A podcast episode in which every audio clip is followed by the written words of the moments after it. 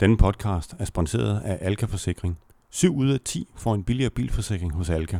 Få et stærkt tilbud på alka.dk. Hvis man kan tale om et Formel 1-løb som organisk, så var løbet på Hungaroring det tætteste, man kommer på et organisk løb. Der var ingen kunstige tilsætningsstoffer i form af safety cars, uheld. Det var bare ren race og strategi. Velkommen til Det Ternede Flag, Danmarks nye podcast om Formel 1 og dansk motorsport. En podcast produceret af DASO, Danmarks Automobilsportsunion. Mit navn er Jan Sommer. Løbet i Ungarn handlede om strategi og udførsel. Bedst til det var Lewis Hamilton, der med en sejr udbyggede føringen i kampen om VM, mens Sebastian Vettel overlevede et sammenstød sent i løbet og kom på andenpladsen, og Kevin Magnussen, der kan holde ferie på en solid syvende plads. Til at forklare det organiske, strategierne og til at sætte det ungarske Formel 1-løb op i et lidt større perspektiv, har vi indkaldt DASUS talentchef Bo Balser. Velkommen til, Bo. Jo, tak. Tilbage til Formel 1. Der er nogen, der synes, at Formel 1-løb uden sammenstød og safety cars er kedeligt. Dem var der ingen af i går. Kædede du dig, Bo? Det gør jeg absolut ikke. Hvorfor ikke? Jamen, øh, det her, det var jo øh, et øh, løb på Hungaroring, når det er bedst. Og, og nu har vi haft en, en serie løb, hvor der har været Chubang med overhalinger i en stridstorm. Så dem fik vi ikke så mange af, men jeg vil jo ikke helt give dig ret i, at der ikke var nogen sammenstød, for det var der altså hen mod slutningen. Ja. Og der var også en virtuel safety car periode, mener jeg. Jeg vil så heller ikke give dig ret i, at der ikke var nogen overhalinger, fordi jeg synes, jeg talte, at jeg talte mig frem til 14 altså placeringsgivende overhalinger. Ja, jeg er godt klar over, at Ricciardo stod for de fleste af dem. var Ricciardo, ja, det skulle jeg lige til at sige. Men altså, jeg synes jo, det var lige så fascinerende, det her løb, fordi det, man, man øh, så her i søndags, det var jo et øh, taktisk øh, spil mellem, på det helt høje navler, mellem, øh, fortrinsvis mellem Mercedes og, og Ferrari, men også længere ned igennem feltet. Og det, det er netop det, som vi forventer os af et løb på Hungaroring, fordi den er så svær at overhale på. Men et, et, et taktisk spil, øh, og et strategisk spil, altså jeg beskrev det lidt for familien hjemme som et skakspil med 250 km i timen i går. Altså, hvad, hvad, hvor, hvor, hvor lå strategierne? Altså Hamilton og Vettel, de starter jo på to forskellige dæk.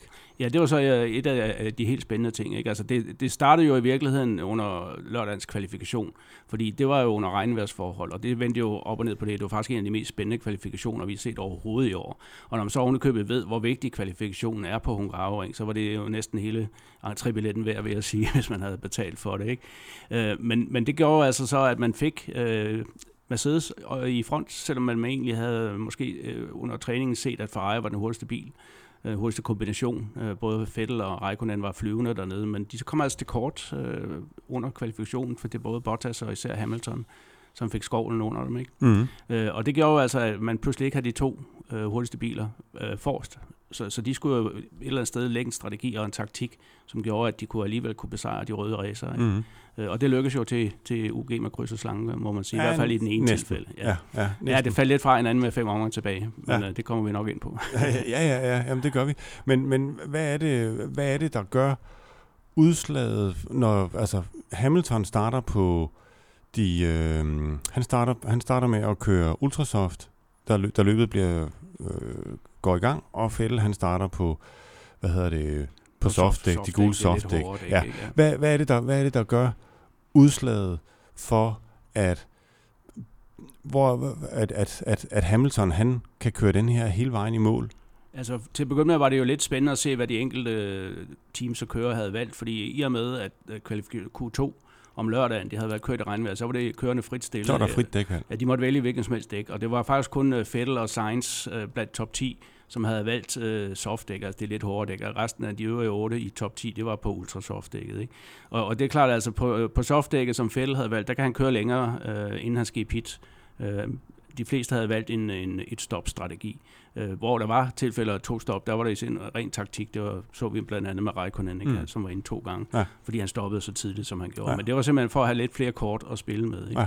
Men, men i og med, at, at man var på de her, Hamilton og Vettel var på de her forskellige typer dæk, jamen så, så vidste man næsten på forhånd, at, at Vettel han ville køre et langt første stint, og Hamilton et lidt kortere formentlig, hvis han ikke kunne få sin dæk til at holde, hvad man ikke formodede, han kunne. Det var også drønvarmt dernede. Mm. Øh, så, så det var sådan lidt med, hvilken, hvem havde læst det her rigtigt ja. Øh, af de to teams, ikke? af de to teamstrateger. Og, og hvem holder sig til den strategi, altså hvem holder sig stringent til den strategi, man så har lagt? Fordi det må man sige, de gjorde Mercedes jo. Ja, altså, det, det, altså de, de kører jo på den måde, at de lader Hamilton, han fik den bedste start og kører, kører fra derude. Så har de øh, Bottas. Ham nok den, vi så mindst til. Ja, ja det gør vi. altså, og så øh, Bottas, han, han er wingman, som han fik at vide bagefter af Toto Wolf, og blev meget fornærmet over. Ja. Men altså, det, det var han jo. Og, og i det øjeblik, som øh, Ferrari de kaster det første øh, terning, hvor de kalder Raikkonen ind allerede efter 15 omgang, tror jeg, jamen der ser vi en omgang eller to efter, gør Bottas det samme, ja. for simpelthen at dække ham af. Ikke? Ja. Øh, og sådan foregik spillet jo hele vejen igennem. Ja. Der, hvor jeg synes, de ligesom fejlede Ferrari, det var, at de lå simpelthen Fæle køre for lang tid på, inden de kaldte ham ind. Men de kalder ham vel bare ind på det forkerte tidspunkt? Altså enten ja, så skulle de, enten, de, så skulle de altså, have lavet ham kørt fem omgange eller ti omgange ja. mere, eller også så skulle de have taget ham ind ti omgange Lige præcis, tidligere. fordi de, de kalder ham ind på et tidspunkt, hvor han kommer ud i trafik. Ja. Øh, og de giver ham samtidig Bottas mulighed for at, og det, der hedder undercutter ham. Ja. Ikke? Øh, fordi han, lige pludselig så fandt uh, Bottas noget tid i sin bil, som han ikke havde vist tidligere. Mm. Jeg ved ikke, om han havde kørt og sandbagget for ligesom at lulle Ferrari i søvn, men altså i det uh, Vettel uh, dropper ind, uh, så, og, så, kører så lige pludselig så kører Bottas, uh, som en vis herre var i halen på ham, og, og sætter to super hurtige tider. Ja. Og på den måde, så kommer han foran Vettel, uh, når, da Vettel endelig kommer ud, plus at han kommer ud i trafik. Ja. Uh, så, så det var jo et genialt træk uh, af Mercedes på den ja, måde. Og, og så tog Ferraris pitstop i Fælles, øh, hvad hedder det, tilfælde lige, lige lidt længere tid end normalt. Ja, det, altså, det tog det så også ovenikøb ja. oven i det. Ikke? Så, og det gjorde det så ikke bedre? Nej, men altså det, det var altså en heldig hånd for Mercedes. Det her synes jeg er en god strategi, hvor de har været udsat for noget kritik tidligere på for forkert taktik og strategi. Mm.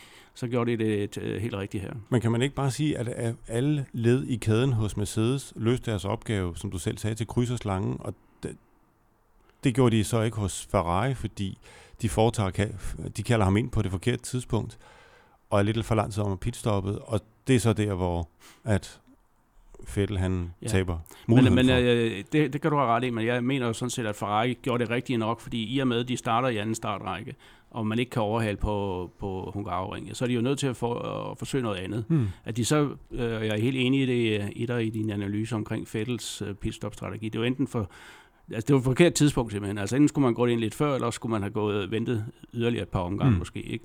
Men det kunne selvfølgelig godt være, at hans dæk ikke kunne tage mere, men, men det skulle man jo nok have taget højde for. Ikke? Der, jo, jo, der kunne jo være nogle informationer, vi to trods alt ikke ved noget om, selvom vi har svært ved at forestille os Nej, det. vi ved næsten alt. Ja, bare rolig nu.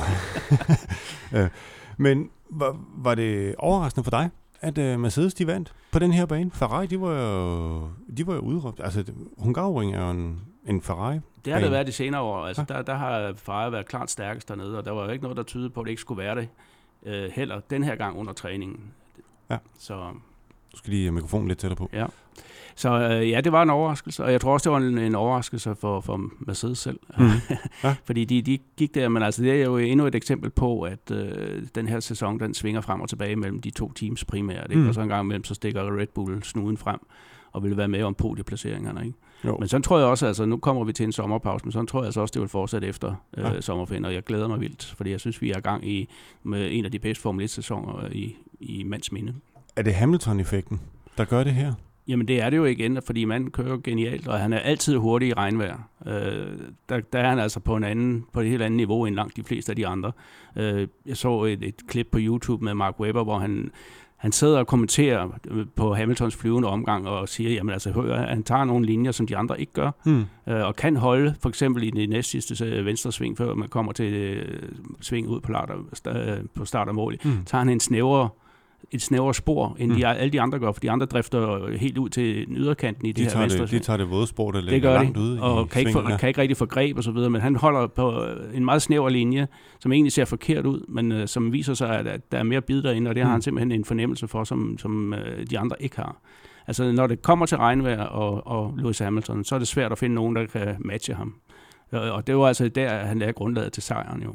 Er det, er det fordi, der dybest set en grundlæggende personlighedsforskel mellem ham og Fettel. Fettel, han vil jo, altså, når han har en bil, der passer ham, som er spornstrengs, øh, og Fettel, han kan godt lide en meget, meget stabil bil, jamen så er han næsten uhyggelig, hvorimod Hamilton, han, altså, han sådan lidt, han kan, i regnvejr skal man kunne improvisere, går jeg ud fra, og det der er han at, at vide på instinkt, hvor er det, hvor er det der er greb i banen er det deres personlighed, der kommer til udtryk, når vi ser en, altså, i kvalifikationerne, hvis man kan, hvis man kan tage den helt derop til? Ja, jeg ved ikke, om det ligefrem er deres personligheder, men, men det er i hvert fald et tilfælde, som du siger, at, at Vettel, han skal helst have en bil, der er perfekt. Hvorimod Hamilton, han er bedre til ligesom at drive around the problem, som mm. de siger. Ikke? Altså hvis selvom bilen ikke er helt perfekt, jamen, så kan han bedre tilpasse sin egen kørestil til den bil, som den nogle gange er. Mm. Øh, og, og det giver sig, altså han er altså simpelthen mere sensitiv, synes jeg. Ja. Øh, og derfor er han også bedre, når det er regnvejr, fordi der er det altså et spørgsmål om at kunne føle øh, simpelthen, hvornår der er greb, og hvornår der ikke er greb. Ikke? Mm. Og når vi, øh, vi, vi altså, når vi nu snakkede Hamilton-effekten lidt, så altså, hvor vil du placere Hamiltons øh, indsats de sidste fire løb, for eksempel? Jamen det er jo, altså det er jo en, en, han er jo på VM-kurs, kan man sige, ikke? men altså der sker så meget i den her sæson, som sagt, øh, hvor det svinger lidt. Øh, og hvis man før øh, det tyske Grand Prix for godt en uge siden havde, havde spået, at han ville føre med 24 omgang, eller point her nu, foran Fettel, som jo lå i spidsen på det tidspunkt, så havde man nok ikke rigtig troet det. Men, men det gør han altså, ja. fordi han er inde i en, en af de her perioder, hvor han ikke kan gøre noget ret meget forkert. Altså, det, der skete på Silverstone, var jo ikke hans skyld, at han får på for Raikkonen, så han sikkert også vundet der. Ikke? Men der øh, kører han alligevel 14 placeringer Alligevel fra. så kører han op og, og, og snupper en podieplacering på Silverstone, også selvom han var faktisk sidst. Og det samme gør han på Hockenheim? Det gør han, ja. Han vinder fra en 14. startplacering. Vi var inde på det i sidste podcast, ja, ja. hvor sjældent det rent faktisk sker. Ikke? Ja. Men lige i øjeblikket, der er han inde i det der øh, mode, øh, hvor man bare må tage hatten af for ham, ikke? fordi han, han kører bare så stærkt, og han laver ingen fejl mm. af betydning. Det er, så, det er sjældent hans fejl, når der sker noget, mm. øh, som, som bringer dem ud af sejrskurs. Ikke? Mm. Så for, for Ferrari og Fælde tror jeg, det er rigtig godt, der kommer en sommerbreak nu. og måske bliver han lidt distraheret. det var noget, ja. man skulle til karneval, øh, har han sagt, ja. øh, ja. i Karibien. Så det kan være, at han, han øh, kommer ned fra den her øh, pedestal, han er på i øjeblikket. Tør du gætte på, hvor, det, hvor ender det henne mellem Vettel og Hamilton? Nej, men altså, jeg har da en fornemmelse af, at det går helt ned til sidste løb, altså down, down, the, down to the wire. Ikke? Mm. Altså, at, Abu Dhabi, ja, sidste i november måned? det kunne det sagtens være. Ikke? Ja. Fordi at, jeg tror, at Ferrari kommer selvfølgelig igen. De vinder selvfølgelig på Monza, det skal de gøre, ikke? Øh. de har fundet, de har, de har fundet noget, noget, noget fart, når de handler om at køre lige ud, som ja, ellers har været altså, Mercedes, øh, hvad hedder det, ene mærke, ikke? Altså, der har jo været meget diskussion, og Mercedes har jo ikke været for fine til at, at lade nogle bemærkninger falde om, ja, den er sikkert øh, lovlig nok, når FIA siger det og sådan noget, og så ved man selvfølgelig godt, at de mener, at den er hammerende ulovlig. Ja. Øh, og der har været meget sådan en analyse af, hvorfor, og Ferrari har vidderligt taget store skridt frem, på motorsiden, og det, det er helt klart det, det, er det stærkeste kombination i øjeblikket, deres power unit. Mm. Øh, den, er, den er bedre end Mercedes, det tror jeg helt sikkert. Mm. Øh, og det er jo også godt set med danske øjne, fordi øh, Haas nyder jo også godt af det. De havde faktisk en, en ny øh, version af, af Ferrari-motoren, som ikke engang Ferrari selv brugte. Ja. Øh, Sauber i øvrigt også havde den nye version, og jeg tror, det var lidt fordi, at Ferrari vil godt lige se, om den kunne holde, ikke? Ja. inden de ja. sætter den ind. Øh, som efter sine skulle have en 25-30 heste mere. Ikke? Ja. Og så er man altså godt kørende. Det var de nemlig. Øhm, nu, øh, er vi, nu spoler vi lige tilbage, fordi vi startede med at kalde øh, udsendelsen her, eller løbet organisk. Øh, hele strategispillet i går i løbet, det var vel også ligesom en organisme, der udviklede sig fra omgang til omgang. Hvis nu vi lige vender tilbage til, øh, nu har vi haft om strategien mellem øh, Hamilton og Vettel. Øh, hvis vi vender tilbage til Mercedes og Bottas og Raikkonen øh, i Ferrari, altså hele det her strategispil, der var det smukke ved løbet i går, hvis nu Mercedes havde kaldt Bottas i pit lidt tidligere, så var han sluttet som nummer 4, og ikke som nummer 5. Men så var han ikke kommet ud på banen, så han kunne agere stopklods for de her fremadstående Ferrari'er det er vel i virkeligheden det, der er det smukke ved strategispillet i hele Formel 1. Jamen, det synes Bottas sikkert ikke, fordi han blev helt klart brugt som, øh, som netop, som du siger, som stopklods. Mm. Altså, fordi han lå jo der i mange, mange omgange, og efterhånden så var hans dæk øh, fuldstændig færdig. Men de kunne jo bare ikke komme forbi. Fettel var jo klart hurtigere, ja. og kunne han øh, komme forbi, kunne han måske have hentet Hamilton. Ikke? Finder vi aldrig ud af nu, fordi at han lå låst bag ved Bottas, det samme gjorde Raikkonen, indtil der manglede en 3-4 omgang, tror jeg, der var, hvor de så øh, begyndte at køre ind i hinanden og sådan nogle ting, ja. der, fordi det, nu skulle han bare forbi. Ikke? Men, men, øh, men det var altså, jeg, jeg synes også, det var taktik og strategi på et højt plan. Ikke? Men, men det var det jo, nu har vi lige fokuseret på de fire forreste, fordi det var dem, der fik mest opmærksomhed i går. Men det, var, det er jo sådan for alle 10 teams, også for Haas? Ja, altså, men Haas lavede heller ikke nogen fejl, efter min mening. Øh, det eneste, der gjorde, at de ikke sluttede som nummer 7 og 8, det var jo formentlig, at, at uh, Grosjean fik en lidt dårlig start, ikke? og tabte nogle placeringer, hvor Kevin han gjorde det modsatte. Jo, han, han vandt to placeringer. Ikke? Ja, og så McLaren, der, hvad hedder McLaren det, der lavede jo, ja, ja, de lavede jo også en skide god, undskyld, jeg siger det, men, men strategi og planer og udført den. Altså, hvis ikke Fendorn var udgået øh, for gud ved hvilken gang, ja, så var de også haft begge biler i, uh, top 10, ikke? Og, ja, de, og de startede jo altså nede i midterfeltet begge to. Ja, og de kører hvad, 35, 35, næsten 40 omgange på, hvad hedder det, 39 omgange, mener jeg det var, de kørte på, på deres uh, Supersoft, de ja. startede på, ikke? Altså det, er jo, det, ja. det, det gør jo, at de kommer to placeringer ja. længere frem, ikke? Jo, jo, men altså, det, det er jo det, vi snakker om sidste gang, altså, hvem, hvis skyld er det, eller hvem, hvem er det, der bestemmer omkring uh, strategi og taktik, mm. hvor vi jo enige om, at jamen, det er jo et samspil, ikke? Altså, mm. altså teamet kan jo lægge de bedste planer, hvis ikke kørerne kan udføre dem. Ikke? Og, og kørerne kan omvendt ikke præstere noget, hvis teamet laver de forkerte beslutninger. Ikke? Så de skal, jo, de skal jo præstere på samme tid og på samme måde. Ikke? Og der er det jo altså, altså nogle gange lidt held, ikke? Men, men også fordi man har, man har læst øh, løbet, kan man sige. Ikke? Og, og så en, en Alonso, som jo altid kan eksekvere, hmm. hvis han får mulighed. Ja. Jo, men man kan også sige, at det, det, det smukke er jo, at alle led i kæden skal hænge sammen. Ikke? Altså lige fra ham, der lægger strategien, til den, der udfører den, til mekanikeren, øh, pitten, der får skiftet rigtigt, fordi to sekunder inde i pitten, altså... Jamen det, det er rigtigt, altså det hele på Hungaroring, det drejer sig om track position. Ja. Altså, du kan ikke køre dig op igennem feltet, medmindre du har en, en bil, der er meget overlegen, som, som Ricciardo havde.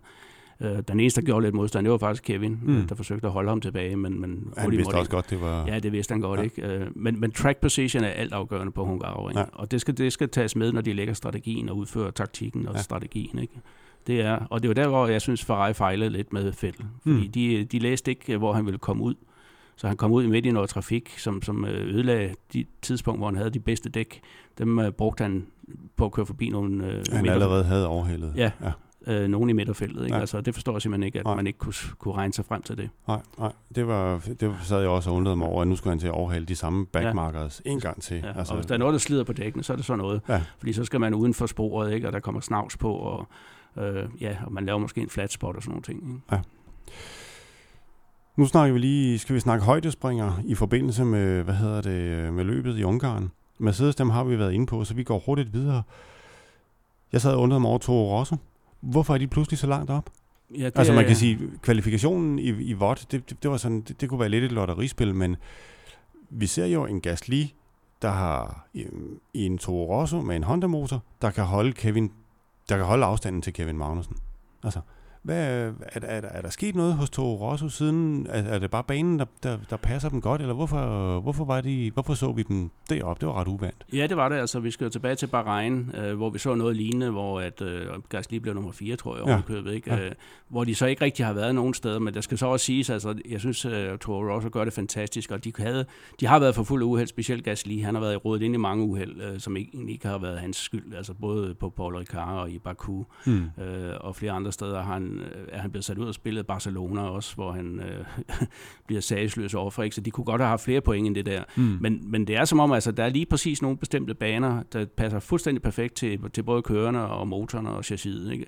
Og, og Hungaroring var jo i den grad et af dem.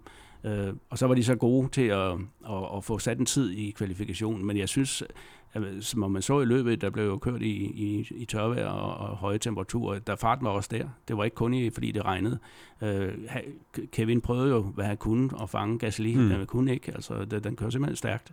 Øh, og der kommer jo hele tiden nogle løbende opgraderinger på Honda'erne. Det skal man ikke være øh, i tvivl om, fordi Honda de er allerede nu jo gået i gang med et stort, øh, storstilet udviklingsprogram, som øh, altså, som forberedelse til at komme over og være sammen med Red Bull sidste mm. år. Det er da klart, altså lige så sur som, øh, som Red Bulls øh, teamchef var på, på Renault, lige så glade er de, når de kigger på, hvad det, hvad det er, de får øh, sat i bilerne næste år, fordi det, det ser øh, ikke spor dumt ud. Nej, det gør det, det gør og, det faktisk ikke. Og, og, hvad hedder han, øh, Brendan Hartley havde jo også nær scoret point, skal ja. man tænke på, ikke? Ja. Ja, øhm, nu snakker vi højdespringere, det, så behøver vi ikke nævne øh, Hartley. En af de andre højdespringere, øh, jeg har, det er Kevin Magnussen. Igen, ja. Igen? Leverer ja. en fremragende præstation igen, og som han også får kæmpe ros for, også i internationale medier. Hmm. Øh, starter nier. Det skal sige, altså, jeg havde jo håbet lidt på, da de kom i Q3, øh, både ham og, og Grosjean. Øh, og, det, og det er full wet, øh, at de så kunne have lavet en eller anden sensation der. Men som de bagefter var ude at sige, og det galt jo begge Haas-bilerne, mm. at de fik simpelthen ikke temperatur i de her full wets. Det er først, det er først, det er først, de overhovedet kører på dem. Ikke? Ja. Så, så det er selvfølgelig også øh, meget for langt, at man lige så... territorie. ja, det kan man sige. Ja. Så de fik ikke sat en repræsentativ tid i Q3, for ellers burde der ligge en 6. plads, 6. 7. plads. Mm. Fordi altså, så hurtigt var bilen jo, altså ja. under normal forhold. Det så vi også under løbet. Ikke? Øh, men, men det fik de altså ikke, det lykkedes ikke, så derfor startede de 9 og 10. Men så laver Kevin jo altså en af sine øh, kendetegn, altså et af dem, øh, man efterhånden er kommet, de ting, man er kommet til at associere med ham, nemlig en kanonstart. Ikke? Altså, og, og starter 9, at man går forbi både uh, Sainz og, og uh, Brendan Hartley inden det første sving, hvilket er meget, meget afgørende for det resultat, han senere henter mm. hjem. Ja. Fordi han kommet til at hænge bag ved dem, det gjorde Grosjean, jamen så var det ikke blevet til en syvende plads, så var det måske blevet til en niende plads. Ikke? Jo, og så kunne man komme i krambolage med McLaren, der jo overcuttede dem alle sammen, ja. og, altså, og så videre, og så videre. Så. Ja, ja. Så, øhm. så starten er jo, altså igen track position, ikke? altså starten er så vigtig der, og Kevin viste det her igen, øh, overskud, ikke? altså han, han holdt nerverne i ro, og han lavede den helt perfekte start. Øh, sidste år så vi ham jo mange gange øh, vinde 5-6 placeringer måske i starten, men det var også fordi han startede tit nede bag, så er det altså nemmere at vinde mange placeringer. Det er nemmere at, nu er han oppe i den skarpe ende af feltet, så er det sværere at komme forbi nogen. Ikke? Det er nemmere at vinde fire placeringer, hvis du starter som nummer 18, altså, ja. end det er at vinde fire placeringer, hvis du starter som nummer 6. Ja, præcis. Ja. Øhm, jeg gad godt på et eller andet tidspunkt at høre psykologien, og hvad er det, der træder i kraft, når man skal lave, fordi hvorfor er der nogen, der er så gode? Altså Kevin, må vi indrømme, også med eller uden danskerbriller på, at han er god til at lave starterne. Hvad er det? Altså, hvor mange parametre er det op i hans hjerne, og koordinering mellem alle mulige forskellige ting, der skal hænge sammen, der gør, at han bare lige, altså, han er bare lige lidt bedre end mange af de andre i feltet til at lave en start. Det, det gad jeg, altså, hvor, hvor hårdt har han trænet det der? Altså. Ja, det tror jeg faktisk ikke, man kan træne. Altså, det, det tror jeg ligger i, altså, han er, han er bare i, i stand til at være iskold øh, i sådan en situation, hvor at der ikke er noget, der må være galt. Altså, det har vi set så mange gange, det kan ikke være et tilfælde længere. Han, han holder nerverne i ro øh, på en måde, som, som de fleste andre ikke gør. Og jeg kan ikke huske, hvornår han har lavet en dårlig start øh, i Formel 1. Det er i hvert mm. fald meget, meget sjældent, det sker. Ikke? Mm.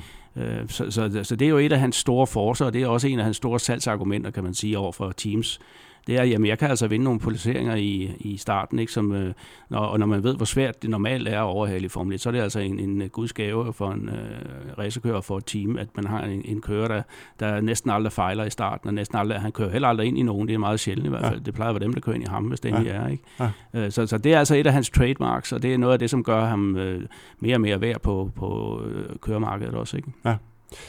Øhm Kevin, han er også den, der i, øh, har scoret flest point i sæsonens første halvdel. Altså, hvis man kigger uden for de tre topteams. Øh, hvor vigtig ballast er det sådan rent mentalt at gå på sommerferie med det, hvis man hedder Kevin Magnussen, og hvis man hedder Haas-teamet, fordi det, det, det spreder sig som ring i vandet også, går jeg ud fra. Jamen, det, det er det altså succes og succes, ikke? Altså, og hvis du nu havde været en elendig afslutning på forårssæsonen for, for Haas-teamet generelt, men også for kørerne. Altså Kevin havde en skuffelse på Hockenheim, hvor at, øh, han mistede nogle point, han skulle have haft. Ikke? Hvis han også havde mistet det hele her og var kørt hjem på en 13. plads eller, eller så havde det været sværere ligesom at bevare motivationen hen over de næste tre uger. Øh, men nu er det jo, der, nu går man jo næsten og venter på at skulle ud og køre igen. Ikke? og det, og det, jamen, det betyder så meget. Altså, den, nu har han den der succesoplevelse, hele teamet har den der succesoplevelse. Ikke? Mm. Øh, og det, de er jo meget sådan, øh, har jo, jo meget, kan man sige, down to earth, ikke? Fordi mm. for eksempel i den her uge, der kommer ind nu, der er der en officiel test på Hungaroring, øh, hvor alle teams er minus Haas, fordi Haas siger, jamen, altså, vores mekanikere er slidte, vores kører er slidte, vores ingeniører er slidte. Og vi kan ikke, vi kan ikke vinde noget øh, ved at købe der, altså det kan kun koste os penge, ja. øh, og vi er ikke interesseret i at tage en betalingskører ind, og bare for at tjene lidt penge her. Så vi holder ferie nu, ja. øh, altså, og det er jo en helt anden øh, attitude. Altså nu har jeg lige kigget på listen over kører, der skal deltage i den her uge. Og der er mange af dem, som, som aldrig kommer til at sidde, eller nogle stykker i hvert fald, der ikke kommer til at sidde i en Formel 1 for, øh, formentlig. Ja. Øh, men det er bare for, at, at teams kan tjene lidt penge. Ikke? Men ja. det stresser jo igen stadigvæk. Det stresser materialet, det stresser mekanikerne ja. øh, og det hele. Ikke? Og, ja, og brugbarheden af de data. En af ja, Hasses argumenter er også, at de har, de har data nok. Altså, ja, de er meget som, mere, end de kan nå at bearbejde. Altså, ja, nu, nu, har de, nu har de alt det der fra, det, fra den her intense forårssæson, mm. øh, eller sommer, første halvdel af sæsonen, som de først skal til at gå igennem nu her. Ikke? Ja. Og, og så er der jo det ved det, at nu kommer den her sommerpause, hvor de faktisk ikke rigtig må øh, arbejde det, med tingene. Det, ja, det kommer vi, det kommer ja. vi lidt tilbage til, fordi nu har vi højdeskårene, øh, eller ja, ja højdespringerne, øh, skuffelserne øh, i... Der har jeg sjovt nok Red Bull Øh, jeg ved godt, Ricciardo han kørte et fantastisk løb, og vi har snakket om alle hans overhalinger. Men altså, vi snakker om en Verstappen, der udgår, og vi snakker om en Ricciardo, der starter som nummer 12 efter en forfærdelig kvalifikation. De var, altså, efter løbet i Monaco, der var Ricciardo udråbt som en aftager til VM. Øh, og, og Red Bull som Ferrari-udfordrer. Hvorfor er de faldet helt ud, helt af, ikke bag vognen, men helt af vognen har Jamen de altså, det, det, det, løb, ja, altså de har virkelig mistet pusten, ikke? Altså, og, og mange, inklusive mig selv, troede jo faktisk, at her i Hungaroring, der var der en chance. Det var også derfor, at de valgte at ofre øh, mere eller mindre Hockenheim-løbet på Ricciardo, fordi de skulle tage nogle straffer, og så kunne de vælge, om de ville tage det på Hockenheim øh, eller det på Hungaroring, og det valgte man så Hockenheim, fordi de, man regner simpelthen med, at man var i en contention for at, at vinde på Hungaroring, mm. som man jo har gjort tidligere. Ikke? Ja. Øh, det skete ikke, altså, og, og ja, Verstappen var ude at sige, at i, i regnvejr, der var den, der var den helt håbløs, uh, Red Bull-raceren. Ja. Uh, sandsynligvis fordi de aldrig fik temperatur i regndækkende ja. uh, intermediates. Ikke? Men hvorfor fik de ikke det? Altså, det er jo ikke nogen nybegynder team. Ikke? Så, så de har garanteret også uh, klødt sig i, i nakkehårene her, uh, Christian Horner og de andre, ikke? fordi uh, det her det var bestemt ikke det, de har regnet med ville ske på uh, i Hungaroring. Ikke? Nå, fordi... Og så begynder det der, jamen det er også Renault, og det er det ene, og det er det andet, og, og, og, og Ricciardo har efterhånden haft lidt svært ved at finde det berømte smil frem, ikke? fordi han er stresset også, ikke? Ja. og han ved ikke, hvor han skal køre reelt næste år. Mm. Men man forventer, at han kan køre hos Red Bull, hvis han selv vil det, men han har ikke skrevet under endnu. Han holder stadigvæk lidt øh, døren åben for andre muligheder. Ja. Ikke? Øh, og han har selv været ude og sige, at jeg trænger vist til lidt ferie og sådan lidt. Altså, det er jo meget atypisk uh, Ricciardo. Ja, det må man sige. Øh, og jeg tror simpelthen ikke, stemningen er specielt god inde hos Red Bull. Altså, der har også været en masse ballade med, med Max Verstappen og hans far, specielt øh, mm. Jos Verstappen, som efter sine fik forbud med at komme til et par løb, fordi han, ja. han lavede for meget ballade i kulissen. Ikke? Ja. Øh, og, og ja, generelt bare dårlig stemning af en eller anden årsag. Men det er vel ikke svært, fordi der, der, der er kørt 12 løb, og de har de har haft otte DNF'er, altså otte løb, hvor de ikke er sluttet. Altså, jeg ved godt, der var et løb, hvor de kørte hinanden af over i Baku, og der var et løb, hvor Verstappen han satte den i hegnet af, af egen, ikke fri vilje, men, men han satte den i hegnet. Men hvis jeg regner dem fra, så er det altså seks løb, de har haft med tekniske problemer, hvor de er udgået og ikke sluttet. Det, det er jo sådan omvendt af succes succes. Det må man sige. Altså, man skal altså, så ikke glemme, at de altså også har vundet tre løb, ikke? Det er trods alt. Jo, jo, men... Men, men det, det er klart, altså, det, det er demoraliserende, altså, og, og tro man, og lægger jo kæmpe øh, en vis lemstil ud af bukserne, og så går motoren i stykker, som den, ja. som den gør med, med regelmæssig mellemrum, ikke? Men når man kigger lidt på, altså, Renaults egen motor går også en gang mellem i stykker, ikke? Men ikke så tit.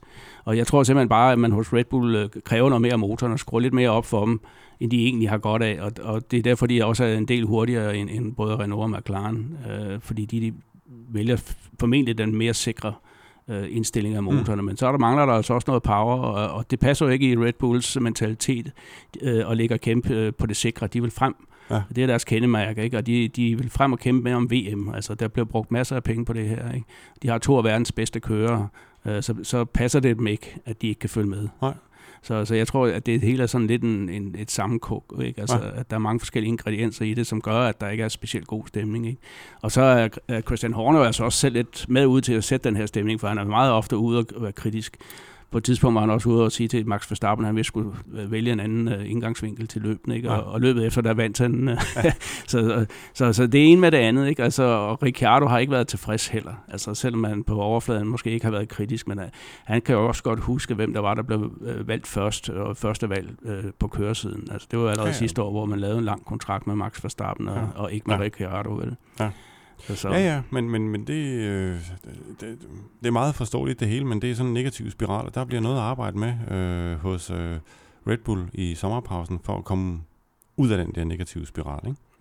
Det gør der. Altså, altså, og for dem så kommer øh, sommerpausen måske også belejligt, ikke? Fordi mm. øh, altså, når det går godt, jamen, så vil man helst ikke have nogen pause. Ikke? Mm. Hvis det ikke rigtig kører, hvis det ikke rigtig spiller, jamen, så må man godt tænke sig en pause. Ikke? Ja. Ja, ja. så så det, det får de jo så her, kan man sige, ikke? selvom den ikke er særlig lang. En af de andre teams, vi også har på øh, for, for hold, det ikke rigtig kører for i øjeblikket, det er Force India. De øh, startede weekenden med at blive sat under, under administration hjemme i England, hvor de hører til. Og så sluttede de som nummer 13 og 14. Det her med, at de bliver sat under administration, hvad handler det i virkeligheden om, Bo?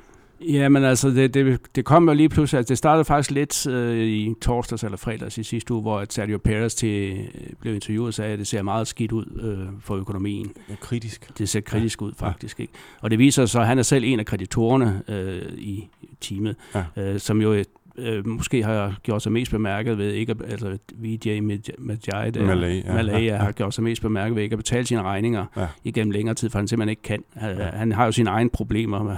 bor i London, men er jo inder, øh, og den indiske regering har krævet ham udleveret. Han kommer han, kun til det britiske Formel 1 Grand Prix, ja. fordi det er det eneste, der skal han ikke uden for landet, og lige så snart han jogger uden for landet, så de har ikke nogen udleveringsaftale med Indien, og hvis han kommer uden for England, så kan han sådan set blive flået tilbage til Indien, hvor han står anklaget for noget skattefusk. Ja, en hel del ting, og ja. ubetalte regninger i, i massevis. Ja, ikke? Ja. Og, og det, det var jo faktisk sådan, altså Sergio Perez øh, blev først beskyldt for at være en forræder, kan man mm. sige, ikke? fordi han, havde, Nå, han var den, der førte kniven, ikke? Ja. Altså sagde, jamen altså nu, nu er vi nødt til at gøre et eller andet, fordi øh, vi kan ikke fortsætte på den her måde. Så han indgav sådan en, en petition til High Court i England om at få det her team sat under administration.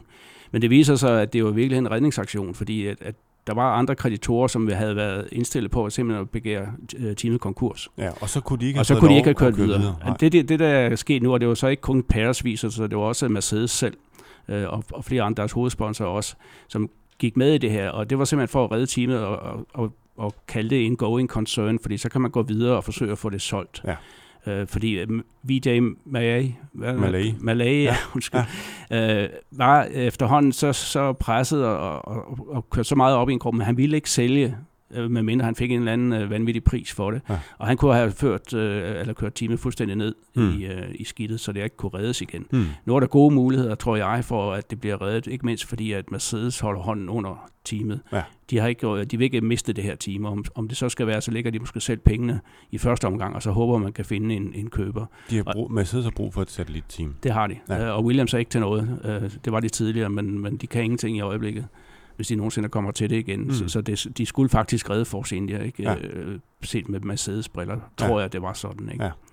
Så, og nu, øh, ifølge Toto Wolf, er der ikke mangel på køber, så nu bliver det spændende at se. Der har allerede nævnt nogle stykker. Det er sjovt nok noget med, at så skal de ikke forvente at få det billigt, dem der byder i hvert fald. Det er jo noget med, at prisen skal skrues op. Og en af dem, der er nævnt som mulig køber eller investor i det her Force India-team, det er um, Lawrence Stroll, far til Lance Stroll.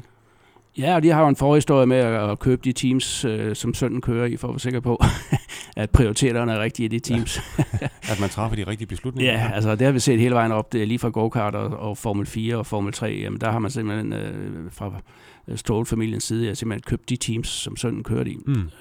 Og det har der været mange historier om. Altså den Formel 3 racer, han vandt Europamesterskabet i, for eksempel, havde stået vist mest op hos Williams. Øh, ja. Så det var kun yder, på udvendig side, at den ene af de andre Formel 3 racer. Ja. Bare for at tage et eksempel. Ja. Øh, men de er simpelthen så skuffet, og måske også lidt med rette over det, der sker hos Williams øh, i år, at øh, de, de har mistet tålmodigheden med det, øh, mm. og kigger sig om efter, hvor, hvor skal vi så hen. Ja. Og der er den her jo lige til højre ben, kan man sige, i og med, at den er til, altså, teamet er til salg. Ikke? Det er ikke sikkert, at han vil købe øh, det hele, men han vil formentlig lægge en, en stor chat penge for, for en stor del af aktierne. Ikke? Ja. Øh, og så er det helt sikkert, så flytter Lance Stroll med. Øh, måske allerede i år, det har der været lidt diskussion om, men, men det ja, kan være, at vi ser nogle kørerokader hen over sommeren. Det vil være usædvanligt, men det er set før. Ikke? Ja, fordi det er faktisk op til, nu er det op til kuratoren i bådet, som er en instans, der er sat ind af den retten i London til at bestemme, hvornår kan det her salg blive effektueret fra, eller overtagelsen af Force India-teamet blive effektueret fra. Det kan jo sådan set ske allerede i indværende sæson. Det kan det sagtens. Altså, og, og realiteten tror jeg også, at det vil ske hurtigt. Fordi at alle er interesseret i at, at, at få gang i, i det der. Altså, jeg tror lidt, det der, som uh, Force India er i øjeblikket, det er vel det, der hedder betalingsdansning også, og så er det man under administration og så mm. videre. Så man har ikke den samme handlefrihed. Mm. Og det er klart, altså, øh, jo, når man får tilstrækkeligt uh, solidt fundament uh, økonomisk, så får man sin handlefrihed tilbage, Mm. og kan begynde at agere som, som team igen, som et, et top-team. Øh, Og det vil også være ærgerligt at, at miste Force India, fordi det er et af de team, der har overpræsteret igennem i mange år snart. Ikke? Ja. Altså, øh, klarer sig langt bedre end deres budget og deres øh, ressourcer i øvrigt Ja. har, øh, har givet anledning til. Ikke? Denne podcast er sponsoreret af Alka Forsikring. 7 ud af 10 får en billigere bilforsikring hos Alka. Få et stærkt tilbud på alka.dk. Så kan vi gå videre til en af de andre skuffelser øh, fra løbet her. Jeg vil sige Renault. Øh, Sainz han starter som femmer og slutter som nier. Han sejlede ned gennem feltet. Jeg, har, jeg synes nærmest, det så ud som om, at, at at, at Sainz han lukkede Verstappen forbi i første sving. Altså han inviterede ham... Var det karrierefremmende kørsel fra Sainz? Altså? Nej, det synes jeg ikke. Eller var det, var det fordi, han havde overpræsteret i kvalifikationen? Ja, altså det var, han var en af vinderne i den her regnværskvalifikation, øh, hvor han jo satte en rigtig god tid. Ikke? Øh, men, men jeg, generelt så er jeg ret, øh, giver dig ret i, at, at Renault er, er en skuffelse, og Hulkenberg slutter 13'er i løbet, tror jeg nok. Øh, og, og det er også, altså, de bruger altså de samme motorer som Red Bull i sagens Mm. natur, ikke? Ja. Altså, og, og de virker altså bare ikke ret godt øh, på øh, Hungaroring. Ja. Øh, jeg ved godt, at øh, Ricciardo havde fart på, øh, da han kom i gang og så videre. Men øh, samtidig ikke, stadigvæk ikke noget i forhold til, øh, til Hamilton og så videre. Men, men øh, det kunne godt have blevet bedre, men altså, Renault var mærkeligt sådan, øh, ja, de var, de var sådan lidt nede, ikke? Altså, og, og har været der også et stykke tid. Det er som om, at Hülkenberg laver nogle gode resultater indimellem. Han er altså også en rigtig dygtig chauffør, Mm. ikke? Øh, hvor Sainz det er mere sådan op og ned. Øh, Ja. Og han er efter sine heller ikke særlig glad for at være der. Altså han vil faktisk godt væk, øh, væk fra Renault Mm. over i noget andet. Ikke? Ja. Allerhelst en Red Bull, kunne jeg forestille mig. men, øh, men det kommer han jo ikke lige med det samme. Men, men det var faktisk sådan, at, at øh, Renault blev slået af, af McLaren Ja. øh, i det her løb. Ja. Selvom at de øh, startede nogenlunde lige godt. Øh, jeg tror, Men det- Alonso var 11, så vidt jeg husker. Ikke? Det, det, det, der, det, der undrer mig, det er, at øh, til kvalifikationen, jo, som virkelig stillede store krav til folket, folkene i garagen, og dem på pilvæggen, der skulle tage de rigtige beslutninger, at grund til, at Hylkenberg han ikke kommer ud og kører i Q2, det er, fordi de ikke kan få benzin på bilen. Altså, det er, sådan, øh, det er et fabriksteam, vi snakker om her. Ja, Altså, det, altså, det burde være en relativt simpel sag at kunne fylde benzin. Jeg ved godt, det, der er meget mekanik, og der er meget, der kan gå galt, men det ly- burde være en relativt simpel. Det skulle man tro, løsning ja. ja. på det Men altså, det, altså, nu er der ikke ret meget, der er simpelt i Formel 1 jo. Altså, men, men det er klart, altså i forhold til de ambitioner, de har Renault, øh, om Ja. ja. at, at, at, være det fjerde topteam, ikke? Ja.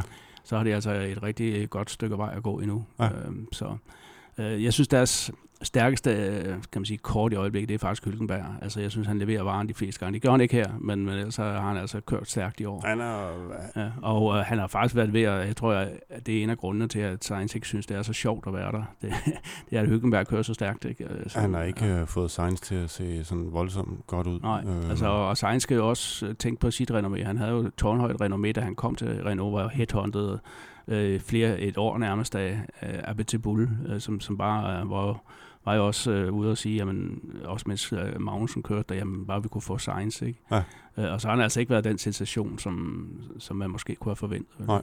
Nej, nej. Øh, så de, de skuffede, øh, jeg synes Renault skuffede. Øh, det kan man så glæde sig lidt over, hvis man er dansker og Haas-fa- Haas-fan, fordi øh, det fik, øh, hvad hedder det, øh, det fik øh, Haas til at kravle øh, tættere på, hvad hedder det, på Renault i den samme Ja, stilling, der er og fik så- der Kevin ikke- til at Der er ikke særlig langt nu øh, mellem de to øh, teams, øh, og, og, og Kevin har kun 6-7 point, tror jeg, efter Hyggenberg Ja, vi, hvis i vi B-mesterskabet. Ikke? Jeg ved godt, du kommer ind på stillingen om Jamen, det, det kan vi så lige så godt tage nu, ikke? Fordi Hamilton, han fører med 213 point. Han har 24 foran Vettel, der er 189, og så som han har, og han har så 103, han har så 43 point ned til Raikkonen på tredjepladsen med 146 point.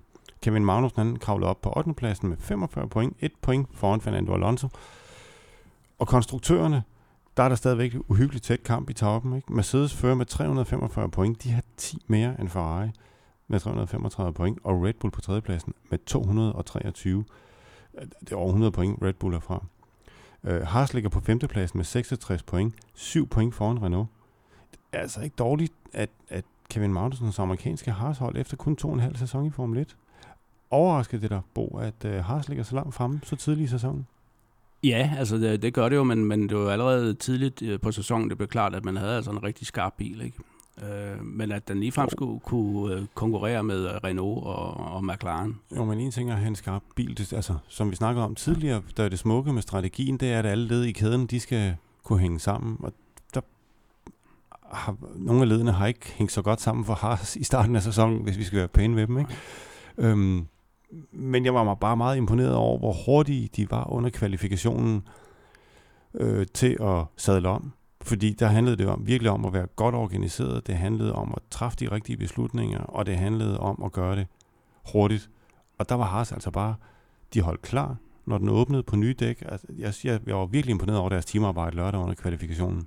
Jo, men altså, det er jo et team, der hele tiden forbedrer sig, efter min mening. Mm. Uh, altså, fordi de, de første år, altså, vi skal jo ikke glemme, at de kun eksisteret i et par år. Og det første år begik man jo mange fejl, så man også havde nogle, nogle rigtig gode resultater i kraft af Grosjean. Ja. Ikke? Men, men, uh, og vi så jo også et kæmpe selvmål i, i Melbourne uh, af teamet. Ikke? Men, men det er som om, man lader sig ikke rigtig gå på af det. Altså, og det er som om, der er en, en et hold spirit øh, i Haas-teamet. Mm. Fordi det er netop måske, fordi det ikke er så stort. Altså, så, så alle kender alle. Ikke? Altså, det, det er jo i virkeligheden et Formel 3-team på steroider. Ja. øh, og, og, og det tror jeg også, det kan også være en fordel, selvom at, at, at, at mandskabet er presset. Det var også derfor, man blandt andet derfor, man droppede den her test, øh, fordi at mekanikeren var simpelthen døds, øh, død, død træt. Ikke? Altså, ja. de har kørt fem løb på seks uger, eller noget af den ja. stil. Ikke? Øh, fordi teamet er ikke større end det. Altså, de er måske et par hundrede mennesker, ikke? Ja. Øh, men, men de har altså til gengæld formået at lave en team spirit, og det kommer jo også helt op fra Günther Steiner og Gene Haas selv.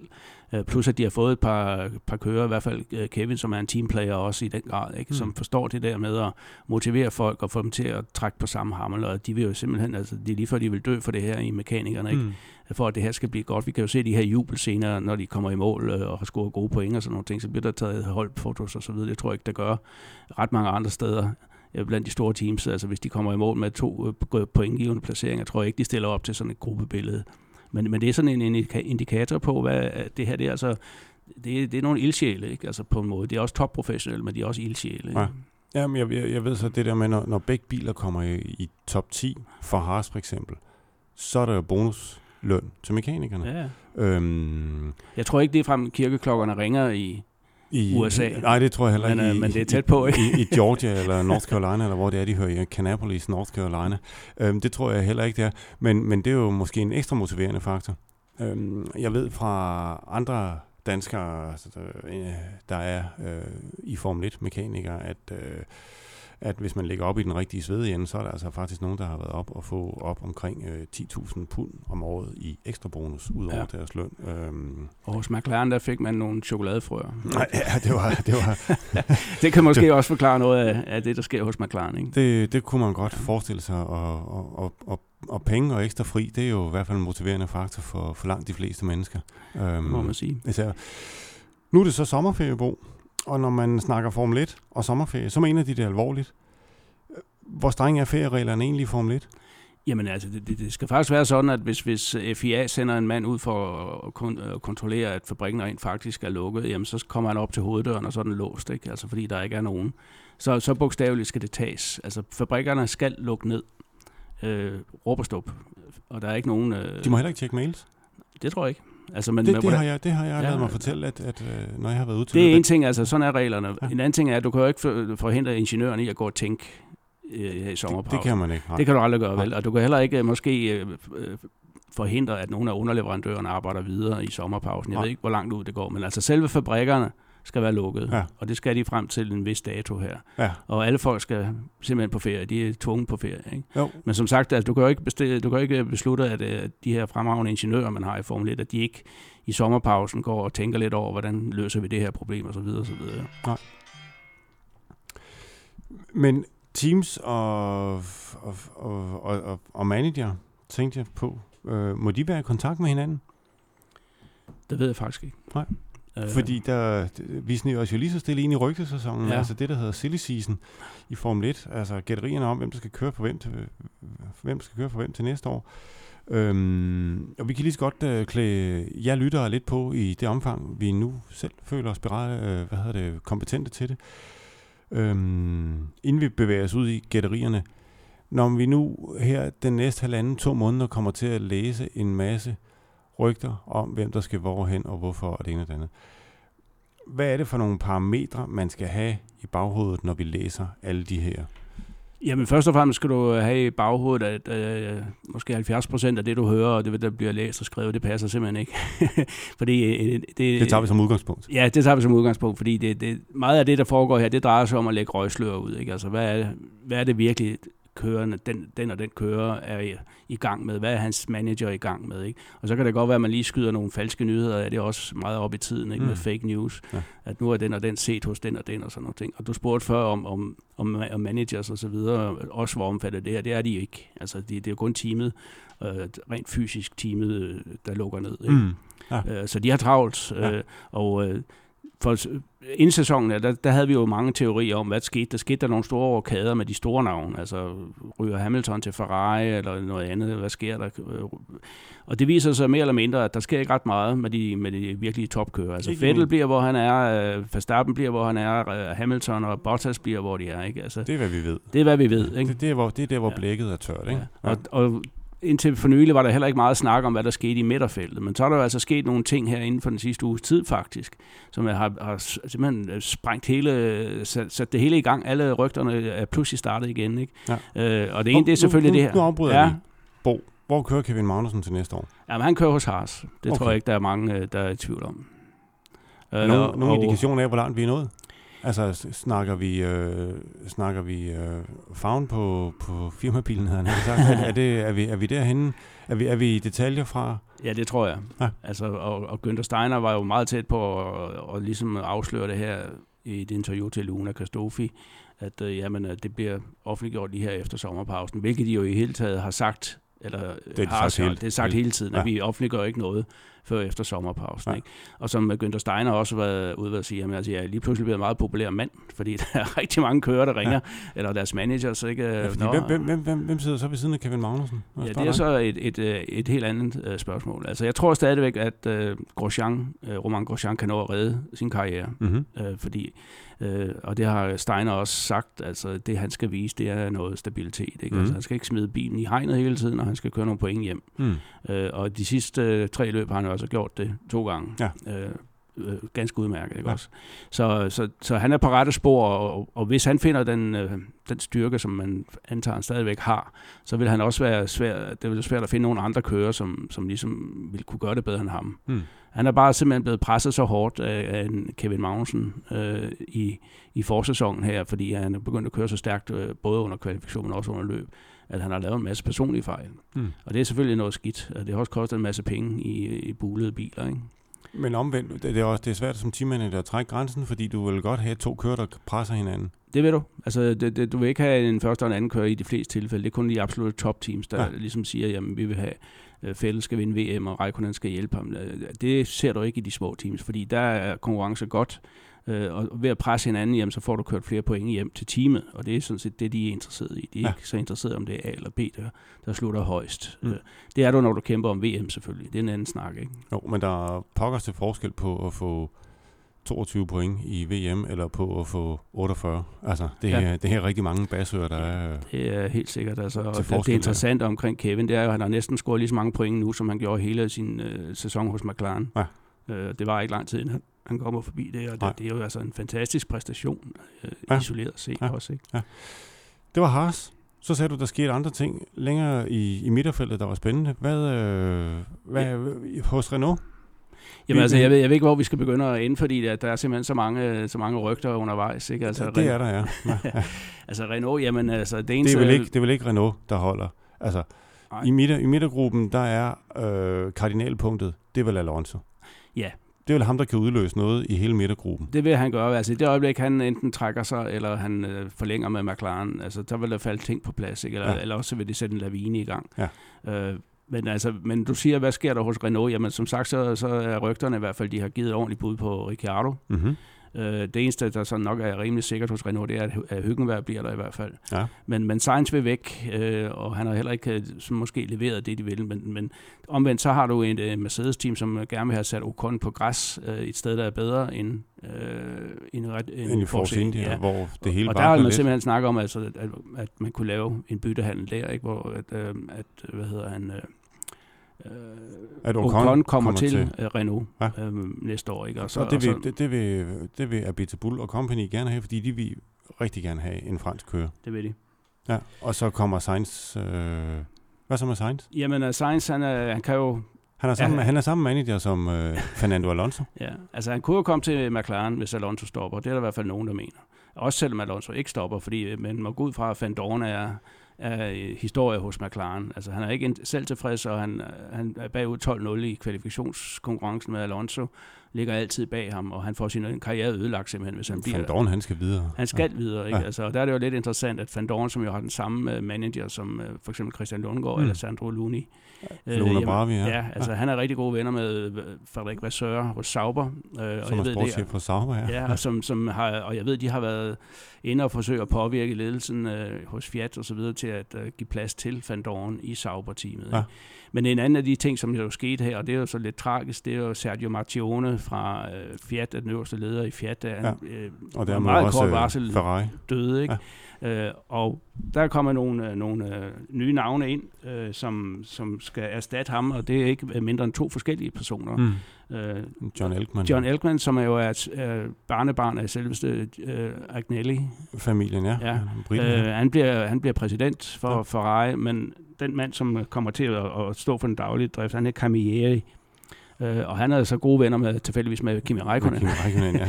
ja. Øh, og rygterne vil vide, at den øh, aftale, der var lavet mellem Ferrari og, eller Fiat havde lavet for Alfa Romeo om at komme ind over øh, Sauber som en slags Ferrari B-team, Mm. Ja, det var hans, øh, øh, Martiones egen idé, og den står ikke skrevet nogen steder. Altså, rygterne vide, at der ikke er nogen kontrakt. Det er bare mm. noget, der er blevet talt om. Og, og hvis øh, den nye Camilleri, han ikke synes, det er særlig god idé her, altså, så kan han jo sagtens, man kan sagtens forestille sig en situation, hvis ikke der er skrevet kontrakter med hverken Leclerc eller andet, end at øh, Raikkonen, ja, han får simpelthen år mere hos Ferrari. Mm. Det kunne man sagtens forestille sig. Og så ved man ikke, hvor Sauber står, fordi vil man så blive ved med at pumpe penge ind i teamet via Alfa Romeo, mm. eller er den, øh, det er en død idé. Øh, fordi så, så er der pludselig en helt ny situation, så skal de stadigvæk til ud og finde kører med masser af penge. Ikke? Det kan man sige, der har de, så skal de bare holde fast i Markus Eriksson. Ja, For dem har han masser af. og det er jo også derfor, at han, han stadigvæk er i Formel 1, Ja. for Ja, ja, at ja. være lidt hård. Ikke? Ja. Øh, og han har jo den her svenske øh, backing-gruppe, som, som jo også ejer en del, en investorgruppe, der ejer Ja. ja. en del af Sauber. Ja. Og så længe de gør det, øh, og de stadigvæk synes, det er sjovt at betale for Markus Eriksson, jamen, så bliver han jo formentlig hos Sauber. Ja.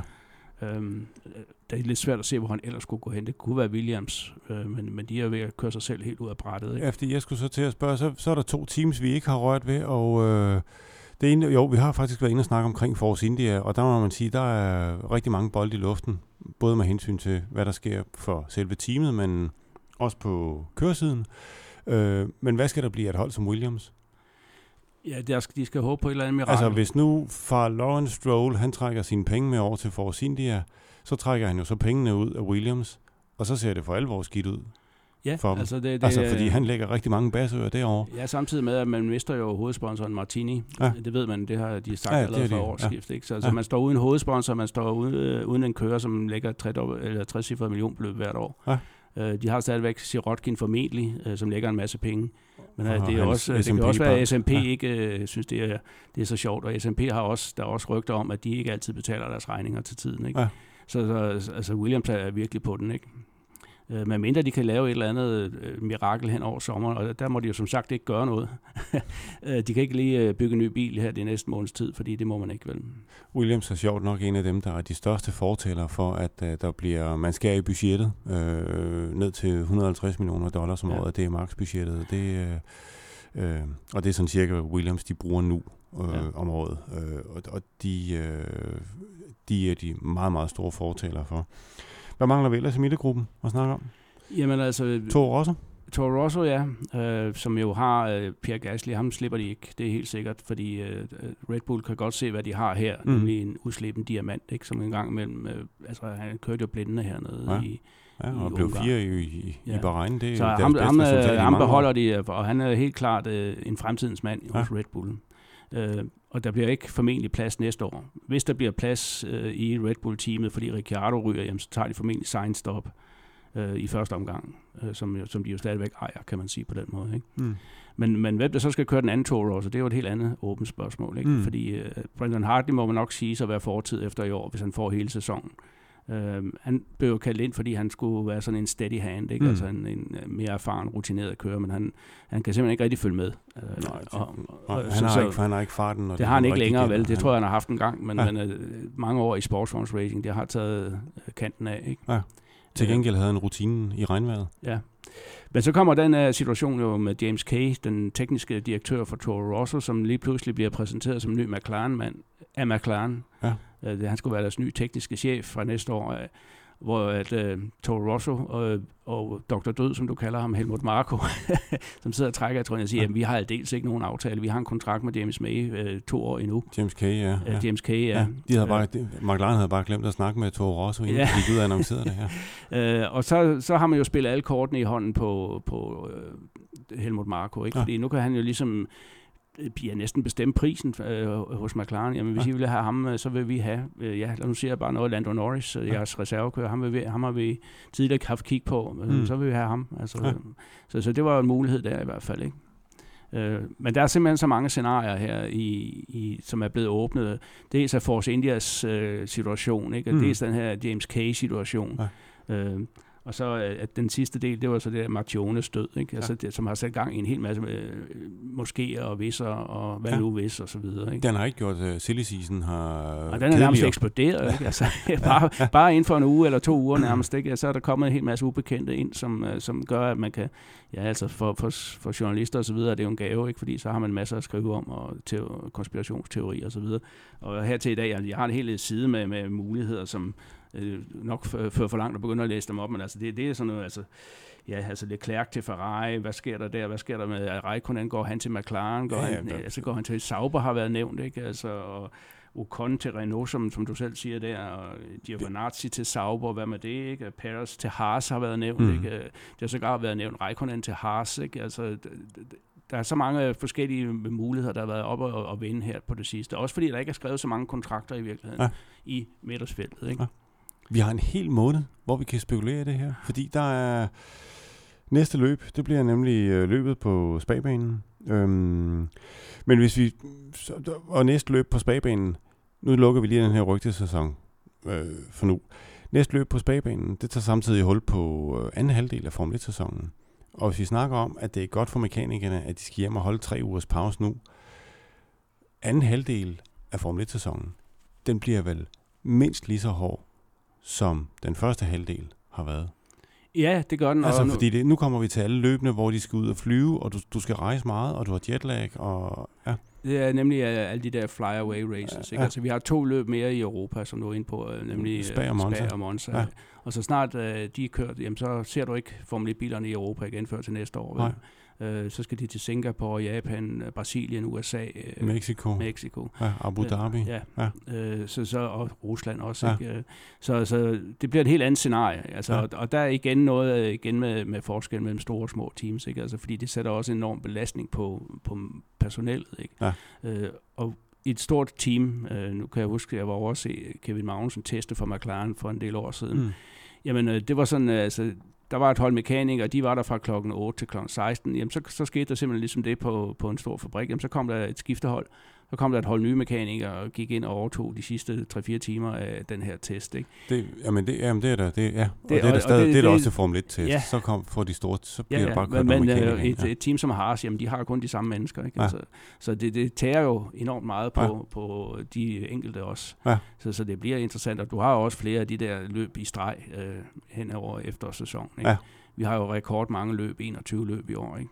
Så, så det bliver et hårdt, øh, og også det der med udviklingsslaget, øh, som man kalder det. Ikke? Ja. Altså, de store teams med de store ressourcer, ja, de bliver ved med at udvikle på bilerne. Mindre teams, ja, de er nødt til at sige, jamen, øh, det bliver... Nu bliver det, det 19-bilen. Ja, ja, altså det, det er som det er, ikke? Altså, ja. nu må vi se, hvad vi kan hente hjem, og så begynder vi at bygge øh, 2019-bilen. Det ja. gør de store selvfølgelig også, men de har bare nogle andre folk til det, de har flere folk til det. Ja, ja. Vi har en hel måned uden Formel 1. Det er trist, men øh, der kommer til at svire masser af rygter. Der er også, øh, hvad hedder det, der er nogle af dine kører, der har været ude her i weekenden. Ja, altså det er der jo heldigvis hver eneste weekend. Vi ja. har jo rigtig mange, øh, altså jeg sad og snakkede lidt med vores præsident, eller tidligere præsident C.C. Hansen om det. Han siger, jamen altså tilbage i 80'erne, der, da der kom sådan en løbsweekend, så var der en eller to danskere i aktion mm. et eller andet sted. Jamen, nogle gange så har vi 20, øh, 20 kører ude. Altså Ja. ja. nogle, både øh, unge talenter, men også mere etablerede kører Ja. ja. og så videre. Og det er hver eneste weekend, synes jeg, Ja. ja. at man, man øh, kan se danske resultater rundt omkring. Ja. Og et af de bedste resultater, der kom i den her weekend, øh, det var i hvert fald, da Christian Lundgaard vandt øh, sit andet løb i øh, Renault øh, Euroseries øh, Mm. på selveste Spa-Francorchamps. Ja. Øh, i, som optag til 24 timers løbet dernede. Ja. Øh, og det gjorde han altså på en overbevisende måde. Han, han overhalede simpelthen de to, der lå foran ham øh, på det første omgang, og så kørte han fra dem. Ikke? Øh, Han- det han- kan næsten ikke gøres mere øh, overbevisende, end, end det Christian gjorde der. Han sluttede løbet, da, da løbet blev fladet af, fordi det blev fladet af, der havde han den største føring i Formel Renault 2.0-serien i år. Den havde han, da løbet blev fladet af. Og det, siger, Øhm. det siger jo næsten alt. Ikke? Så havde han lidt uheld i det andet løb, øh, fordi der skete noget med en, en sensor nede i motoren, som gjorde, at den ikke trak Ja. ja. de sidste 500 omdrejninger, tror jeg, der var på motoren. Så Ja, han de blev kørte simpelthen fra ham på... Ja, altså han blev forbikørt på langsiden, men, men det, det er hvad der kan ske. Ja. Øh, det, hovedsagen er, at han stadigvæk er helt med fremme. Øh, han ligger på andenpladsen i den samlede stilling stadigvæk, og der mangler fire runder. Ikke? Så Ja, han er 10 point efter den førende kineser, som Ja. hedder Til gengæld Yifi Yi. i FI. Ja. Til gengæld er, er, han, er de to trukket fra forfølgerne. Ja. Altså, der er et godt stykke ned til nummer 3 og 4. Ja. Øh, Så, så det bliver altså rigtig spændende at følge. Nu har de så også en pause frem til slutningen af august Ja. i den serie der, så, så der er lidt, lidt tid, og, og vi må vente. Ikke? Ja. Men det løb blev altså kørt øh, på Spa, hvor der i hele taget var, var gang i den. Der var Øh, rigtig mange øh, ja. danskere på spag. Øh, vi kørte jo det her store, øh, verdensberømte 24 timers løb på Spa for GT3-biler. Ja. Øh, men der, i år var der kun en enkelt dansker med, så vidt jeg lige er orienteret. Det var ja. Nicky Tim. Ja. Øh, og han kom altså i mål på en 9. plads i, i, i Aston Martin team. Ja. Efter at være startet som nummer 67, eller hvad ja. det var, han skrev. Øh, men vi har to unge danskere med i det, der hedder Trofeo Lamborghini, som også var med på opvarmningsprogrammet, som er en mærkeklasse for kopbiler, øh, Lamborghini kopbiler. Ja. Øh, Dennis Lind øh, vandt det ene af løbende i sin klasse, øh, kører sammen med en svensker. Øh, og vi havde unge, unge Frederik Sandorf også med øh, i en anden holdkonstellation sammen med en belgier. Øh, men de fik ikke øh, den helt store øh, udbytte af den her. Øh, men altså alene det, at vi har nogle danskere med i de der løb, det betyder rigtig meget. Bare fordi de holder ferie i Formel 1, det er jo ikke, hvad hedder det, det lader I ikke gå på af her i, i DASU. Der bliver I arrangeret også, øh, og der bliver også arrangeret, i jeres regi bliver der også arrangeret racerløb her i den kommende måned.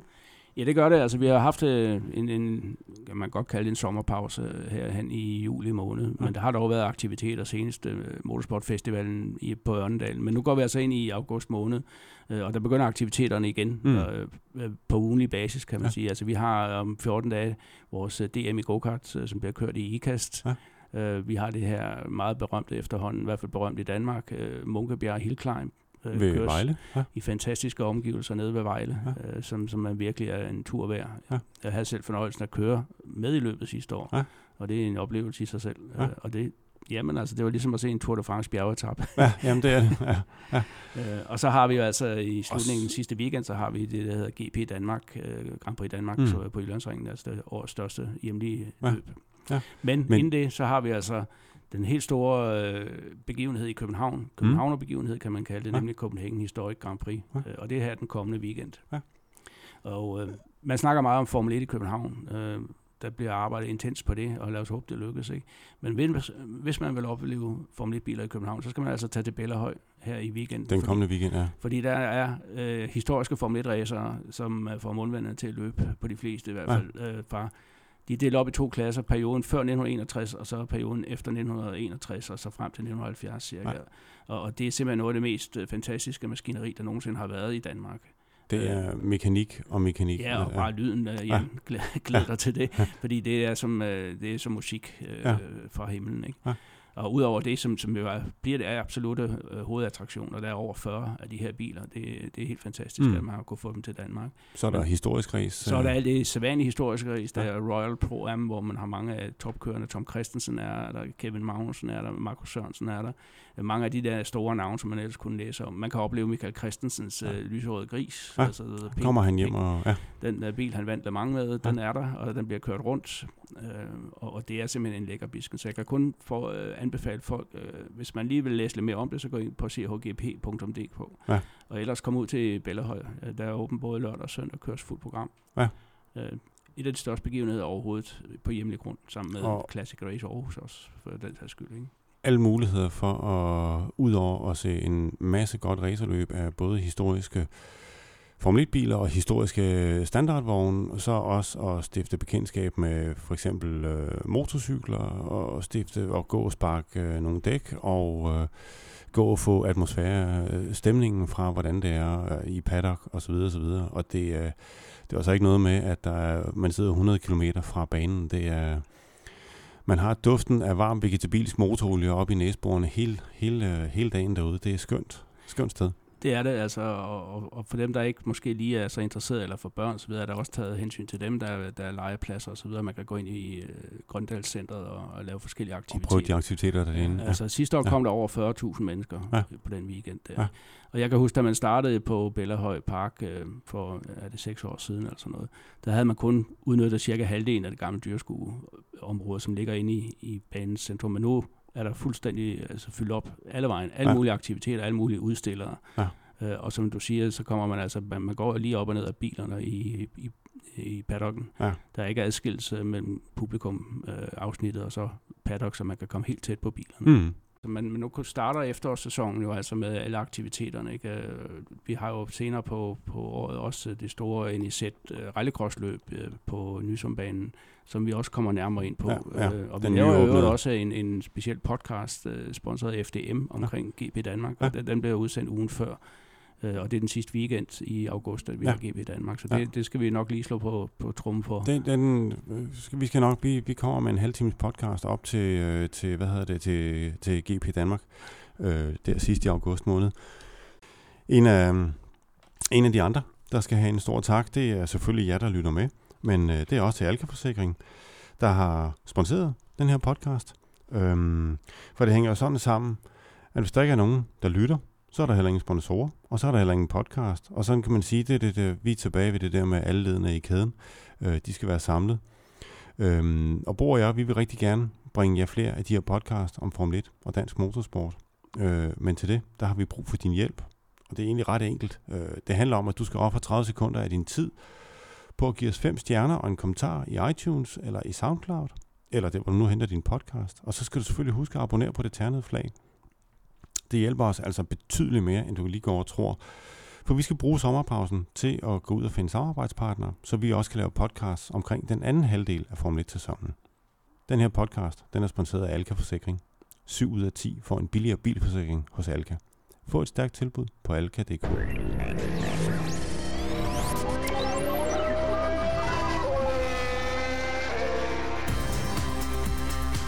Tak for, at du lyttede med til det tandede flag.